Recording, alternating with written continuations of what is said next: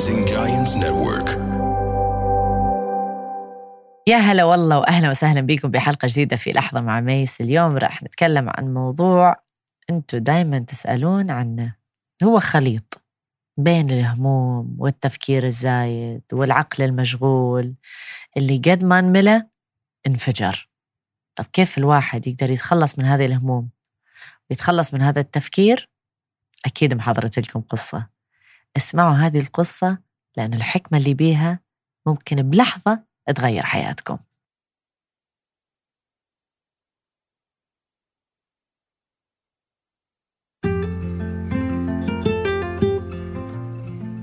كان في بنت راح نسميها آية لأنه القصة اسمها آية. هذه البنت عندها هموم هواية. وتفكر وتفكر وتفكر وهموم الدنيا. ما نعرف شنو همومها بس عندها هموم الدنيا. مثلها مثل أي إنسان عنده هموم الدنيا. آية ظلت تدور على حل. كيف ممكن تتخلص من هذه الهموم ظلت تدور تدور قالوا لها في رجل حكيم عايش فوق بالغابة. روحي عنده. هذا عنده أجوبة الحياة. فهي قالت أخ خليني أروح. أخذت أغراضها. وراحت تمشي تمشي تمشي بهالغابة هي وتمشي والهموم تزيد. خلصت من هموم الحياة قامت تفكر بهموم الروحة عند حضر الجنابة. لحد ما وصلت. أول ما وصلت عنده قالت له أستاذ أنا جيت عندك وصوني. قالوا لي إن أنت تقدر تعطيني أجوبة الحياة. فأنا حابة أعرف الجواب. أنا إنسانة مهمومة. كيف أقدر أتخلص من كل هذا الهم والتفكير الزايد فقالها بنتي اجلسي وأنا راح أقول لك. كان قدامها حط صينية شاي والفنجان مال الشاي. قال لها أصب لك شاي؟ قالت له حاضر. بدأ يحط لها الشاي من ال شو تسموه بريء أنتم بريء من إحنا نسميه قوري مال شاي بالعراقي. ظل يحط لها يحط لها يحط لها انملى الشاي بس ما وقف. ظل الشاي ينذب ينذب ينذب. البنت استغربت قالت إيش هذا الإنسان؟ وأكيد يمكن أنتم سامعين بهذا المثل من قبل اللي انملى القلاص وظل يحط يحط. بس اللي قال من وراها اللي كانت تفرق شوي. قالت له أستاذ شو تسوي؟ قالها حبيبتي مثل ما شايفة هذا القلاص. هذا القلاص يمثل عقلك. عقل الإنسان قد ما يتملى بهموم رح يكون مثل القلاص والشاي. الشاي يمثل همومك وتفكيرك السلبي الزايد والقلاص يمثل العقل. إذا مليتي العقل والتفكير السلبي والهموم لحد ما يملي وما في مكان إذا أنت جيتي تريدين تلاقين حل ما في مكان بهذا القلاص حتى تلاقين هذا الحل. فإذا تريدين أجوبة وتلاقين حل بحياتك أول شيء لازم تسويه تفضين هذا القلاص. حتى تعطين مجال لهذه الأفكار والحلول والحياة الحلوة أن تدخل داخل عقلك. بس إذا قلاصك مليان والهموم في كل مكان ما راح تشوفين الإجابة ولا الحياة الحلوة ولا النور وسط كل هذا الظلام قالت له طيب حلوة الفكرة بس شلون أطبقها؟ شلون أقدر أفضي هذا القلاص؟ بصراحة سؤالها من ذهب لأنه فعلا شلون الواحد يقدر يفضي هذا القلاص؟ اسمعوا شنو قال لها قالها بنتي شوفي برا الشباك حتشوفين نهر طلعت البنية تباوع لقت نهر جدا جميل. قالت له إيه شوفي النهر. قال الحياة مثل النهر. إذا أنت طبقتي مثل المي اللي دا يجري لا هو لا متعلق ولا دا يقاوم شي في طريقه. جاري المي. إذا إحنا جرينا بحياتنا مثل ما النهر يجري من جبل لحد ما ينزل من غير مقاومة من غير تعلق حتلاقين الطريقة أنك تفضين بالك من الهموم. صفنت البنت قالت له يعني شلون؟ قالها يعني مثل ما الماي مدى يتعلق لا بالصخور ولا بأي شيء اللي حواليه إذا أنت ما تعلقتي بهمومك رح تتحررين منهم. وإذا ما قاومتي التغيير رح تضلين مثل الماي جاري بهالدنيا وحياتك ممكن تفتح مجال للتغيير. هذه الجملة خلت آية تصحى. قالت له شكرا شكرا على الجواب. أنا مشكلتي أنه كنت أتعلق في كل همومي وما أعطتهم أهمية. يعني هي حكمة بعد ذاتها القصة والجملة اللي قالها. بس أريدكم أنتم تاخذون لحظة. وتفكرون بكم مشكلة أنتم متعلقين فيها. أو هل تقاومون التغيير؟ اخذوا لحظة. كتبوا لي بالتعليقات. خلينا ندخل شوي بتفسير الحكمة.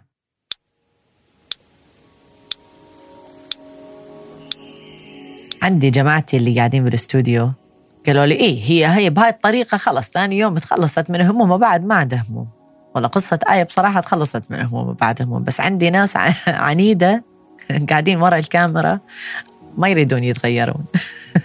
هل أنت وأنت من هذول الناس اللي ما تريد تتغير ومعندين ومتعلقين؟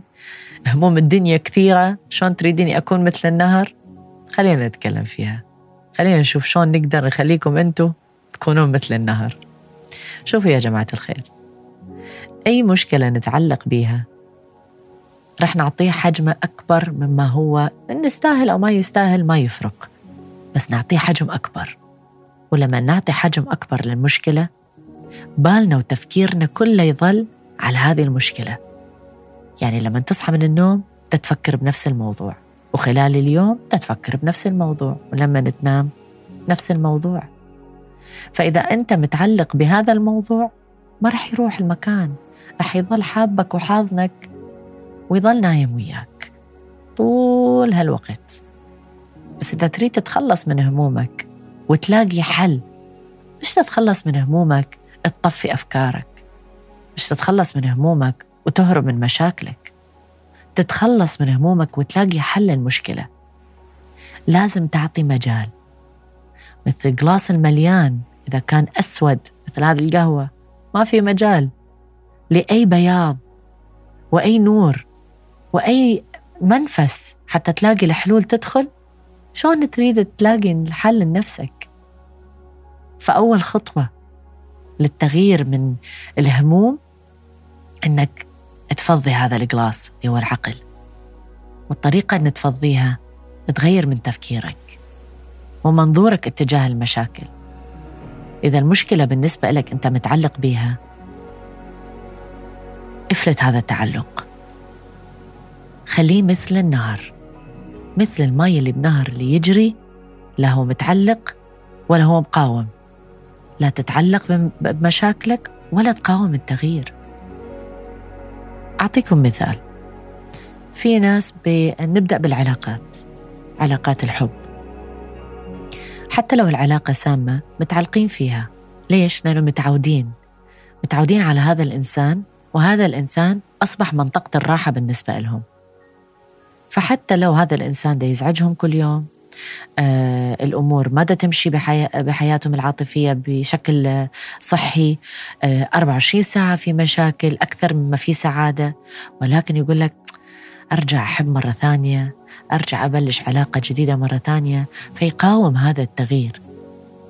يقول لك بدل هالتغيير خليني آه، باللي أعرفه أحسن من اللي ما أعرفه. صح؟ ولكن منو اللي يدفع الثمن؟ أنت اللي تدفع الثمن. فلا تقاوم هذا التغيير. ولا تتعلق بالمشكلة نفسها. هي العلاقة السامة. هذه من ناحية العلاقات. أكيد طبعا إذا في حل للمشاكل بالعلاقة حلها. بس أنا دا أتكلم بشكل عام عن العلاقات اللي جربوا الحلول ولكن ما لقوا الحلول. وشافوا أنه هم بني آدمين يفرقون عن بعض ما لازم يظلوا مع بعض. أما من ناحية العمل. في ناس كثير تتعلق بالوظيفة نفسها. أو بالمهنة مش الوظيفة المهنة نفسها تتعلق بها يعني نفترض أنه آه، شخص يشتغل بالمبيعات متعلق بشيء اسمه مبيعات ولكن شايف نفسه مدى ينجح فيها وتعيس فيها. هو ما ينجح لأنه تعيس. ويجرب ويجرب ويجرب ويجرب وما يريد يغير لأنه هو متعلق بالمبيعات مهنة المبيعات. ولكن المقاومة إذا ما تقاوم التغيير وتجازف وتدخل مهنة أنت تحبها حتى لو ما عندك خبرة حتى لو فيها مخاطرة حتى لو فيها هواية أسئلة إنه يمكن ما أنجح يمكن أنجح يمكن أفشل يمكن لا بس لو خاطرت وسمعت لقلبك وأخذت هذه الخطوة وبعدت شوي بالتعلق مع الهموم وهذا شغلي وهذا آه، أكل عيشي وهاي الأمور كلها. لو حطيتها بس على جنب من غير ما تتعلق بالهموم. بس follow your heart. سامعين بها هذه؟ اسمع لقلبك. إحنا أحيانا ما نسمع لقلبنا. بس عقلنا عقلنا عقلنا. بس ترى القلب عنده عقل. ولو دمجنا بين قرارات قلبنا وعقلنا وخليناهم مع بعض قراراتك ولا أقوى منها. يا ريت تتخذون القرارات اللي تدمج العقل وعقل القلب. لأنه هذول الاثنين مع بعض لما يتفقون حتلاقي همومك كلها القلاص فضى. والأجوبة حتلاقيها. فاجلس بهذه اللحظة بينك وبين نفسك. واسأل نفسك شنو الهموم اللي حاليا بحياتي؟ هل أنا عندي هموم فواتير هموم أجار بيت هموم عائلتي هموم وظيفتي هموم علاقاتي. تمام. بس تعرف همومك شنو هي؟ اسأل نفسك. هل أقدر أكون مثل مي النهر ويجري بهذه الحياة بدون ما يتعلق بهذه الهموم ويعطيها أحجام أكبر مما هي مستاهلة؟ نفترض أن ما تقدر تدفع أجار بيت. إذا أنت رح تزيد همومك عليها الهموم ما رح تجيب لك الفلوس حتى تدفع الأجار. صح ولا صح؟ إذا أنت آه، خايف لأنه هذا الإنسان يمكن ما يحبك إذا أنت ضليت تهتم وتفكر وتعيد وتزيد هل هذا رح يخلي الإنسان المقابل يحبك ولا يغير من تصرفاته اتجاهك؟ بعد لا. فهمومك كل ما زادت ما رح تلاقي حل للموضوع. بالعكس انت اللي تدفع الثمن انت اللي تحس بالقهر وكل ما زاد قهرك كل ما زاد همك كل ما انخفضت مناعتك كل ما تشتت تفكيرك. فمن الآخر المثل طنش عش تنتعش طبقها. طبقها مش عشان يلا طنش لا. طبقها عشان تفضي من هذا القلاص وتعطي مجال للحلول في فيديو جدا مشهور على يوتيوب لواحد هندي one of the monks. دول اللي يعيشون لوحدهم ومع أنفسهم. وكان حاطط بالفيديو سلايد آه، مثل هذا ال presentation اللي تشوفوه. وقال هذه ال slide اللي أحطها على الشاشة هي أجوبة الحياة. إذا نطبقها نعيش مرتاحين. وأتوقع بالضبط يتطبق على هذه القصة. فتح ال slide مكتوب عليه هل عندك مشكلة؟ وإشارة مكتوب عليها نعم وإشارة مكتوب عليها لا. وتتفرع. فخلينا ناخذهم بنعم. أوكي؟ عندك مشكلة؟ الجواب نعم. يجي من بعدها سؤال. تقدر تسوي شيء أو تحل هذه المشكلة تتفرع إلى أجوبتين. نعم عندي حل. الجواب يجي من بعده. Then why worry ليش تهتم؟ نفس السؤال. عندك مشكلة؟ عندك حل؟ لا ما عندك حل؟ إذا ما عندك حل نفس الجواب. Then why worry ليش تهتم؟ على الحالتين ما عندك الحل. على الحالتين مو بيدك تسوي شيء. إذا زادت همومك والضغط النفسي راح يعطيك الحل؟ أكيد لا. فبكل بساطة مجرد تسأل نفسك هذا السؤال إذا عندي حل أنا ليش خايف؟ حتى لو الحل يطول حتى لو الحل آه متعب بس على الأقل عندي حل. وإذا ما عندك حل خلص ما عندك حل مش بإيدك. اللي عليك تسويه تسعة